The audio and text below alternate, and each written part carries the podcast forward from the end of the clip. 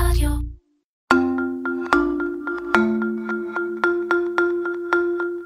קודם כל, בריאות. רפואה, חדשנות ומה שביניהם, עם אפרת אנזל. ובשיתוף אסטרזניקה.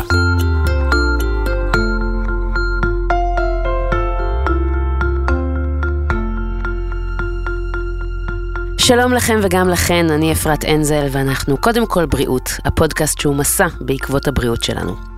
עולם הרפואה מורכב משני צדדים. מצד אחד, המדענים, החוקרים, היזמים ומנהלי החברות שמפתחות את החיסונים, הטיפולים והתרופות.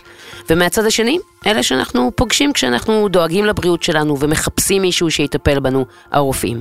שני הצדדים האלה כמובן משלימים זה את זה. בפודקאסט שלנו בפרקים הבאים אנחנו נארח באולפן את בכירי הרופאים בישראל ונשוחח איתם על נושאים שונים בתחומי ההתמחות שלהם, במטרה לספק לכם ידע שיעזור לכם לשמור על הבריאות. אבל לפרק הראשון של קודם כל בריאות, החלטנו להביא דווקא מרואיין מהצד השני. אז איתי באולפן היום אוהד גולדברג, מנכ"ל הנציגות הישראלית של אסטרזניקה, אחת מחברות התרופות החדשניות והמובילות בעולם, שנדמה לי שעד הקורונה הרבה אנשים פה בארץ לא הכירו את שמה, והיום מדקלמים אותה די בקלות. שלום אוהד. שלום שלום. מה שלומך? מצוין. אז תודה רבה שהגעת לאולפן, אבל לפני שנתחיל בוא אני אספר לך כמה עובדות על החברה שאתה ממונכ"ל, וגם קצת עליך. אוקיי. מה שנקרא עשיתי תחקיר קטן. אז חברת אסטרזניקה נוסדה בשנת 1999 לאחר מיזוג של חברת הפארמה השוודית אסטרה ומקבילתה הבריטית זניקה. המטה המרכזי של החברה יושב היום באנגליה ובמאה הנציגויות שלה בעולם יש 70 אלף עובדים. נכון. יפה, שמחה שאתה מאשר. החברה מובילה את הטיפולים במחלות מטבוליות, סוגים שונים של מחלת הסרטן, מחלות לב וכלי דם, מחלות נשימה ותחומים רבים נוספים. עד כאן אני צודקת? לחלוטין. האורח הראשון שלנו באולפן הוא בן 44, נשוי פלוס 4 ותושב הקיבוץ מגידו, שאם עכשיו תספרו לו בדיחה על פלוטו, כנראה שהוא לא יצחק כי הוא שמע אותה 4,000 פעם, עד פה אני גם צודקת. הוא מהנהן לי פה. יש לו תואר ראשון במדעי החיים וגנטיקה מהאוניברסיטה העברית, ותואר שני מבית הספר בינלאומי למנהל עסקים בלוזאן. לאסטרזניקה הוא הצטרף ב-2011, הוא מילא מספר תפקידי מפתח, שאנחנו כמובן נדבר עליהם בהמשך כי זה מאוד מעניין. וללשכת המנכ"ל נכנס לפני שלוש שנים, ובחודש נובמבר האחרון הוביל את חתימת ההסכם לאספקת 10 מיליון מנות חיסון נגד נגיף הקורונה שפיתחה החברה. שלום, שלום. שוב שלום, מה שנקרא. אה, טוב, אני חושבת שאנחנו נפתח קודם כל עם הנושא שמעסיק אותנו יותר מהכל בשנה האחרונה, כמובן הקורונה. איך מתמודדים מכיסא המנכ"ל עם אה, מגפה כזו? אחד, אתה צריך צוות חזק, אני חושב שלהתמודד עם דברים לבד זה מאוד קשה. אז התברכתי בצוות הנהלה וצוות עובדים מאוד נחוש ומסור, אה, שאיתם ביחד התמודדנו עם משהו שהוא... הייתי אומר worst case scenario, כן? לא worst case scenario, מין black swan כזה, אתה בכלל לא מכיר, אתה לא יודע מאיפה הוא מגיע, הוא לא דומה לשום דבר. אני מסתכל על זה בעיקר בהסתכלות ניהולית, בסדר? איך אתה שומר על מוטיבציה, engagement של עובדים, איך אתה בכלל מדלבר את ה business, איך אתה, איך אתה בכלל עובד מהדברים הכי בסיסיים, והיינו צריכים להתמודד עם דבר דבר. בהתחלה זה נראה מאוד גדול, זהו, אני באמת רוצה לדבר על היום הזה שאתה שומע לראשונה על הקורונה, ואולי אתה מבין די מהר שהחברה שלך, החברה שאתה עובד בה הולכת לעבוד מאוד קשה בזמן הקרוב. אז אני אגיד, הרי הכל, זה מעניין, אני ישבתי, הייתי בציריך בפגישה, עם כל ההנהלה של אסטרזניקה העולמית, זה היה שני למרץ. ואנחנו יושבים בארוחת ערב וכולם מדברים על הדבר האיזוטרי הזה שמגיע מסין ושבאיטליה חוטפים אותו. מאוד מאוד בכירים בחברה לידי, ואנחנו מסתכלים על זה בצורה פולקלורית. ממשיכים לפגישה, להמשך הפגישת ההנהלה במשרדים המאוד יפים בציריך, ואני מתחיל לקבל הודעות מהארץ ששוויץ נכנסה לרשימת הבידודים. ישראל באמת הסתכלה הרבה יותר מוקדם, ואני חושב שמהראשונים, בטח בחברה ובארץ, שנחתו בארץ ישר לבידוד. ו, ובעצם אני מוביל את החברה במשך שבועיים מהבית. כשאף אחד לא יודע מה קורה, לאיפה אנחנו הולכים, והוורס והסצנריום מתפזרים לכל הכיוונים. אני באמת חושב שבעיקר צריך להיות קור רוח בדברים האלה, ו, ולהאמין שבסופו של דבר העסק יהיה חזק ויחזיק מעמד.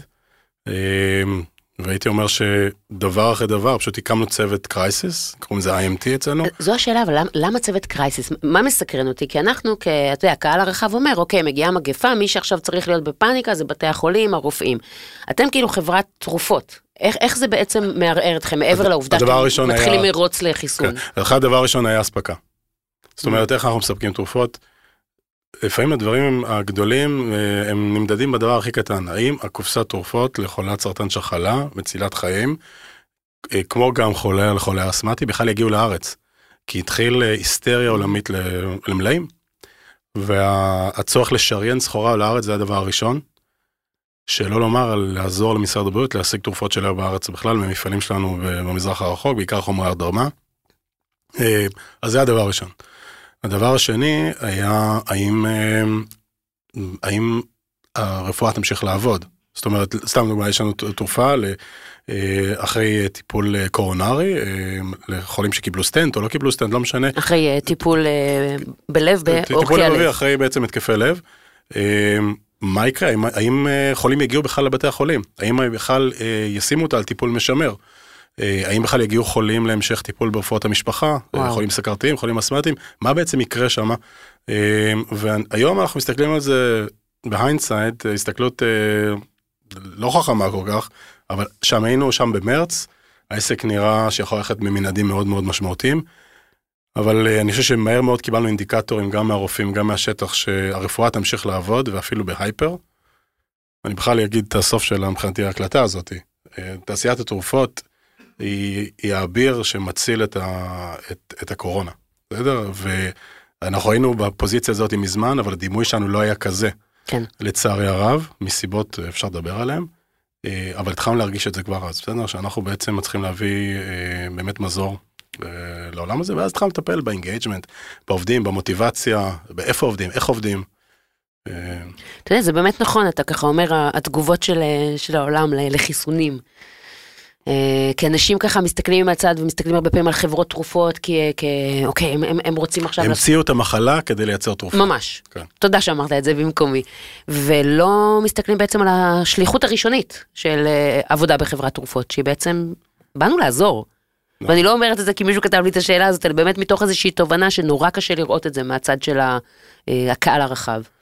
ונורא קשה להגיד את זה כשאתה מתפרנס מתרופות ולהגיד אני לא משוחד, בסדר? אבל אני יכול להגיד לך שאני הייתי צריך לקבל החלטה אה, בחיים כדי לשנות, כשלמדתי בשוויץ, וזה סיפור אחר, אבל כשלמדתי מנהל עסקים בשוויץ ולקחתי את אשתי, ואז הבת שלי בת שנה לשנה מחוץ לחיים, עם כל המעמסות הכלכליות שקשורות לזה, בסוף השנה הייתי צריך לקבל החלטה לאיפה אני ממשיך. והיה לי את המומנט הזה שהבנתי שאני רוצה להיכנס לתעשיית התרופות בגלל סיפור אישי שראיתי איך התעשייה הצילה או האריכה את החיים של אמא שלי. וראיתי באמת איך האינוביישן של חברת תרופות הגיעה לתרופה למתחלה שממש חברת תרופות לא המציאה. והאריכה את החיים שלה בצורה משמעותית ו... והייתי רציתי להיות חלק מזה. רציתי להיות חלק מזה ואני ממש בר מזל שאני היום חלק מזה as we speak. אני והצוות שלי וכל החברה. אתה יודע, גם ברגע שככה פורצת הקורונה לחיינו, מהר מאוד מבינים שזו מחלה שפוגעת אה, במערכת הנשימה, וגם מבינים שמתחיל מרדף לחיסון, שני נושאים שמאוד קרובים ללבך, נכון? ככה במהלך העבודה שלך באסטרזניקה, זה בדיוק התחומים שהתעסקת איתם. אני התעסקתי, אה, היה הר- הרבה תקופה ארוכה, הובלתי בארץ את התחום של מחלות הנשימה, או הטיפולים למחלות הנשימה. אה, וביחידה הזאת גם היה תחומי חיסונים, אז זה היה מאוד קרוב אליי, והיה לי את הזכות להשיק טיפול מאוד פורץ דרך בתחום הנשימה בארצות הברית, גרמניה ויפן, כחלק מאיזו רוטציה גלובלית שעשיתי, אז כן, זה היה, זה נחת אה, מאוד נוח. אה, יש משהו במחלות נשימה, שאתה מדבר עם רופא ריאות, אה, שהוא מאוד מיוחד, כי אתה בעצם מתמודד עם אנשים שלא יכולים לנשום. וואו. עכשיו, רופאים מספרים לך שאתה, שאתה מתמודד עם אנשים שלא יודע, לא יכולים לנשום, ש-they're short of breath, זו סיטואציה שהיא, זה כמו להציל בן אדם מטביעה. אה, כן, ואז, ואז, ואתה מתחבר לזה, אתה מתחבר לטיפולים, לאקוטיות, לטיפול המיידי שאתה צריך לתת, אה, זה בעולם הזה, והחיסונים, שזה משהו הרבה יותר מדיני, הייתי אומר אפילו פוליטי, כלכלת בריאות ברמה רחבה מאוד, התעסקנו בזה לפני הרבה שנים בשפעת, השנה אנחנו כבר גם בשפעת, אבל כבר לכיוון הקורונה, וזה זה כבר מערך, הרבה יותר מערכתי. כן, אתה אומר את הרגע הזה ש... של תביעה. אז בתור אה, אחת שהיו לה ארבעה חולי, חולי קורונה בבית, אני אחת, ואתה, אני זוכרת שבאמת מדדתי לבעלי את הסטורציה, ופעם אחת הייתה סטורציה לא- פחות טובה, ואתה פשוט אומר, רגע, רגע, רגע, אז החרדה ש, שכרוכה באובדן נשימה, אי אי אפשר להסביר אותה, זה לא דומה לשום דבר אחר, זה נכון. הדבר הכי מיידי שיש, אני חושבת. נכון. עכשיו תגיד, המרדף אחרי החיסון, או הנחישות להשיג חיסון, זה משהו שהרגשתם גם כאן בחברה בישראל, או שהחברה בישראל לא, היא לא חלק מהפיתוח בעצם, אז ככה היה יותר רחוק מכם? אמ, הרגשנו את זה בכל ני- הנימים שלנו, זאת אומרת, אסטרזניקה ישראל היא, אני, המילה נציגות היא לא נכונה, זה אסטרזניקה. במקרה אתה, יושב בכפר סבא, שאתה יושב בקיימברידג' או בגות'סברג או במונדל, זה אסטרזניקה. ברור, גם ככה הכל בזום. הכל, הכל נראה אותו דבר, מריח אותו, מדבר אותו דבר, וזה אותו דבר, בסדר? יש לי עובדים בארץ שעובדים על משלוחים בטוקיו ועובדים על סיינס בברזיל. אה, אני אני אקח קצת אחורה, פסקל סוריו, מנכ"ל אסטרזניקה, שהוא אדם רב יכולות ומאמצים, ואפשר לקרוא עליו, אני בטח לא אספר עליו יותר מדי, אבל אה, הוא יצא לסיפור של החיסון ועל הקולברציה עם אוקספורד כשליחות. אני מאמין אה, הלך על זה, אה, היה- היה innovation, אה, חדשנות במעבדות באנגליה.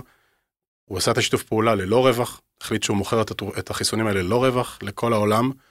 אה, וואו. והתחיל לעשות scaling up של, הפ- של ה-production, זה, אנחנו מוכרים את התרופות האלה ללא רווח. היה לו, הוא האמין שלאסטרזניקה יש משימה לא, עולמית, לא לאומית, עולמית, במיגור הקורונה. ברגע שהעסק הזה התחיל, שמענו זה פעם ראשונה באפריל, במאי נחתמו החוזים עם אוקספורד, כבר התחלנו לעבוד על להביא את החיסונים לישראל.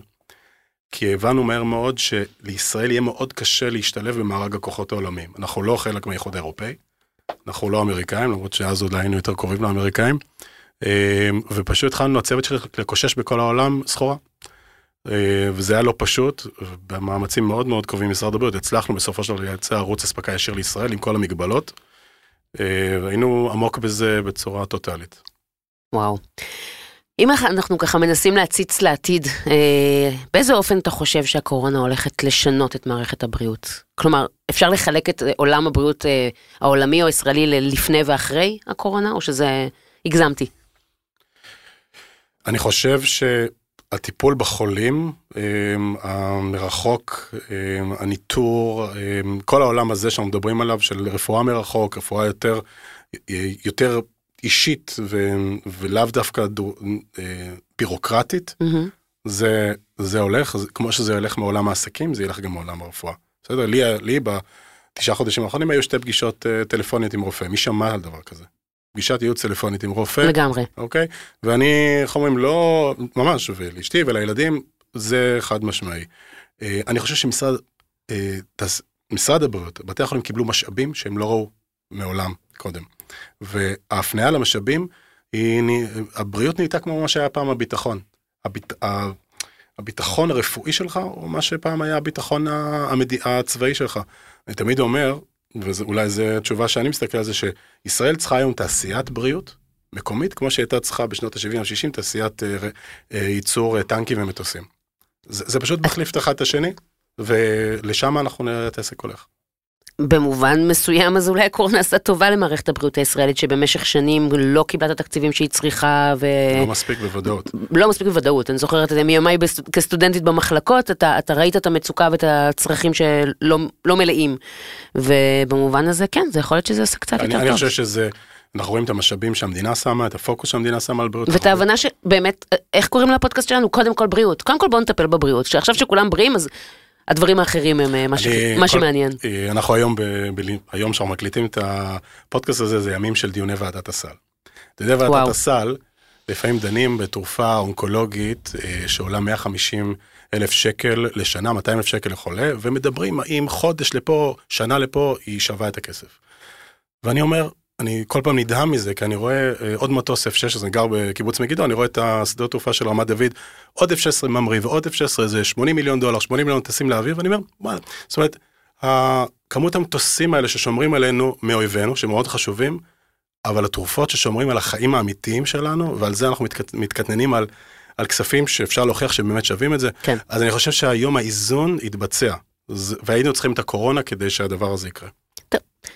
נקווה שגם על... נקווה שגם על עולם החינוך זה יעשה גם איזושהי השפעה. זה החזית. אה, זה, זה הדבר. הבא. אתה יודע, באמת אה, אמרת לשמור על הבריאות, ואחת ההבנות היום זה שיותר קל למנוע מחלה מלטפל בה. ואתם באסטרזניקה כחלק מההחלטה האסטרטגית, אסטרטגית החלטתם לפעול בדרך הזאת. אה, ואני שואלת את עצמי, כי אתם חברת תרופות, אז הגיוני שמה שאתם רוצים, ומה שגם כל הציבור חושב שמה שאתם רוצים זה למכור תרופות, אז איך זה מסתדר העולם הזה של לשמור על הבריאות לפני לפתור את הבריאות? כן. לצערנו הרב, אה, יהיו תמיד חולים. נכון, אני חושב שיהיו תמיד חולים, אה, והחזית הרפואית על שלל המחלות אה, דורשת חדשנות כל הזמן. אני חושב שיש שם מספיק עבודה. אני חושב שאנחנו משהו מבינים שעדיף, עדיף לכל המערכת לאבחן הרבה יותר מוקדם, לפעמים גם לטפל יותר מוקדם, בוא נהיה כנים, לפעמים גם לטפל יותר מוקדם כדי למנוע סיבוכים עתידיים. אה, אתה לא יכול להיות בתעשייה הזאת ושום תעשייה בלי להבין את רוב הערך שאתה עושה על הדרך. אתה צריך להיות מאוד בטוח, אחד, בזה שיש לך מדע חזק, אנחנו משקיעים בין חמש וחצי לשש מיל, שישה מיליארד דולר בשנה אה, ב-R&D. האפיד... המחלות קיימות. עכשיו היכולת שלנו, אחד, למנוע כמה שיותר בהתחלה, או למנוע הידרדרות, היא רווח כפול, בסדר?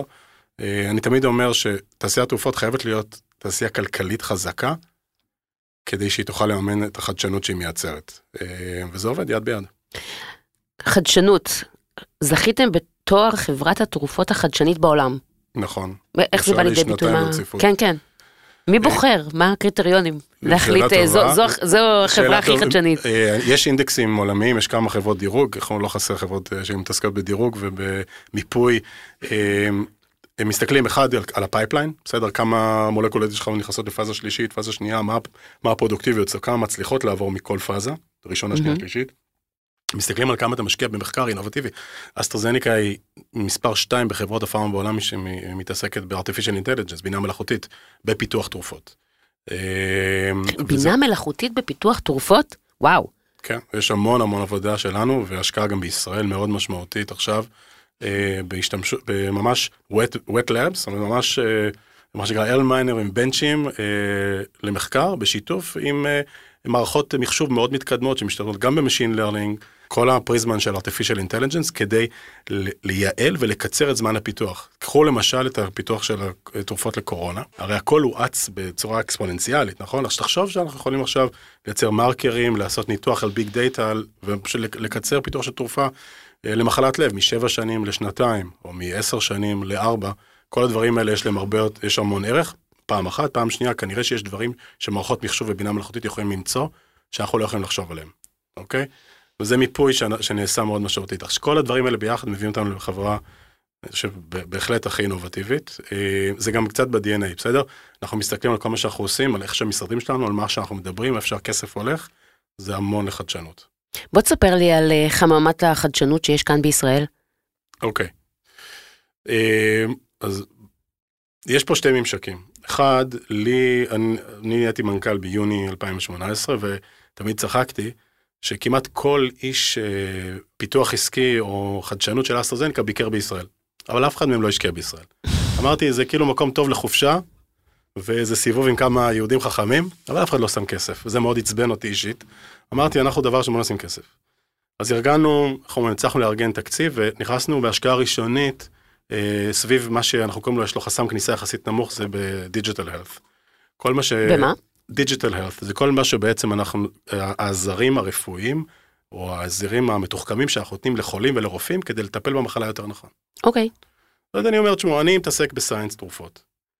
אבל כדי שהחולה והרופא יטפלו יותר טוב ויהיו מטופלים יותר טוב, אני צריך לתת להם כלים משלימים. שם אני משקיע. לא מחפש לעשות מזה כסף, מחפש לטפל יותר טוב בחולה. אוקיי. Okay.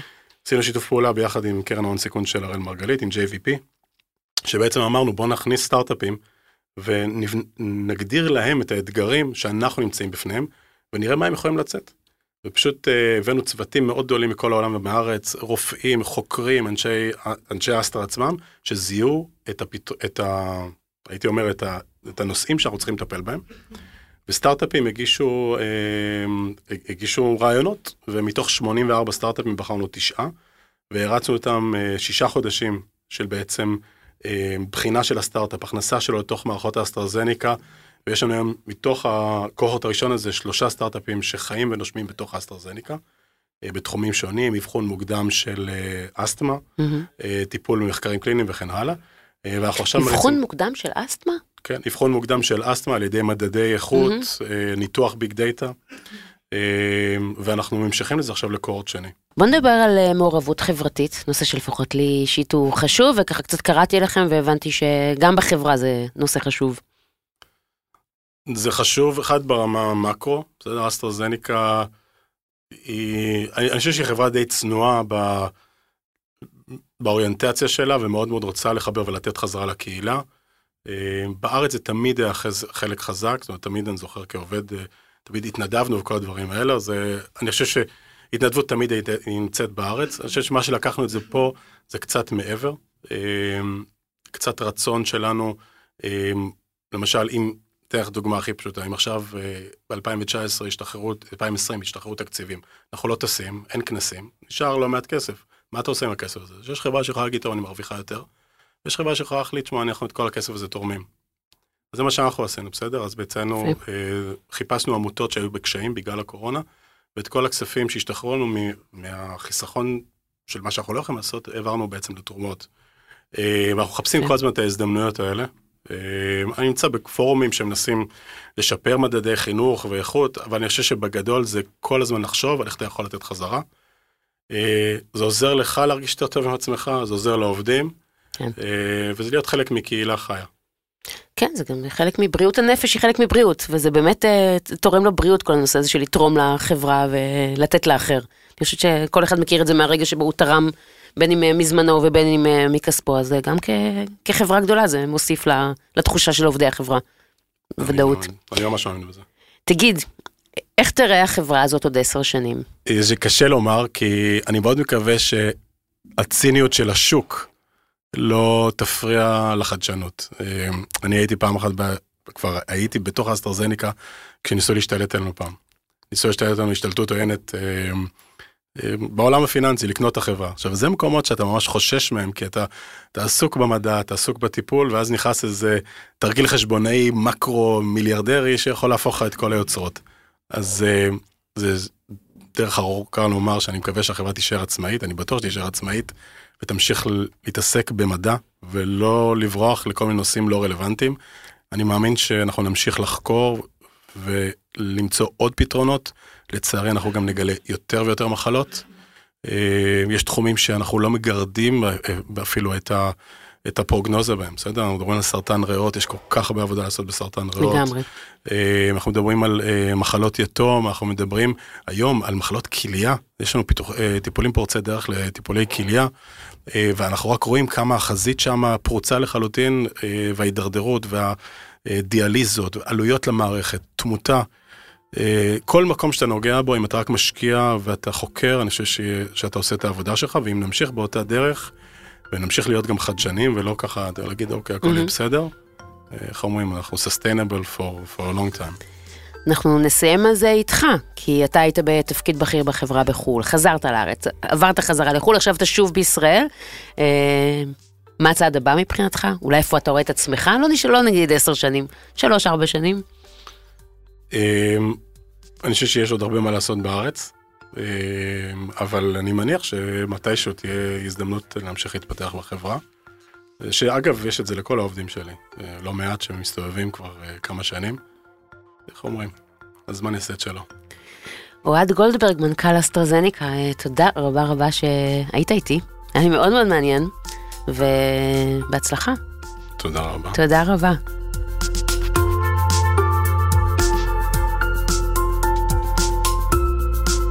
אז אה, זהו, אנחנו סיימנו את הפרק הראשון שלנו אה, בפודקאסט החדש שלנו. אה, מקווה שנהניתם מהאזנה כפי שאני נהניתי כאן באולפן. אנחנו נתראה בתוכנית הבאה. אה, עד אז תזכרו, קודם כל, בריאות. מוגש כשירות לציבור בחסות חברת אסטרזניקה. הוקלט באולפני ביזי בשיתוף אדיו המשווקת את ספוטיפיי בישראל.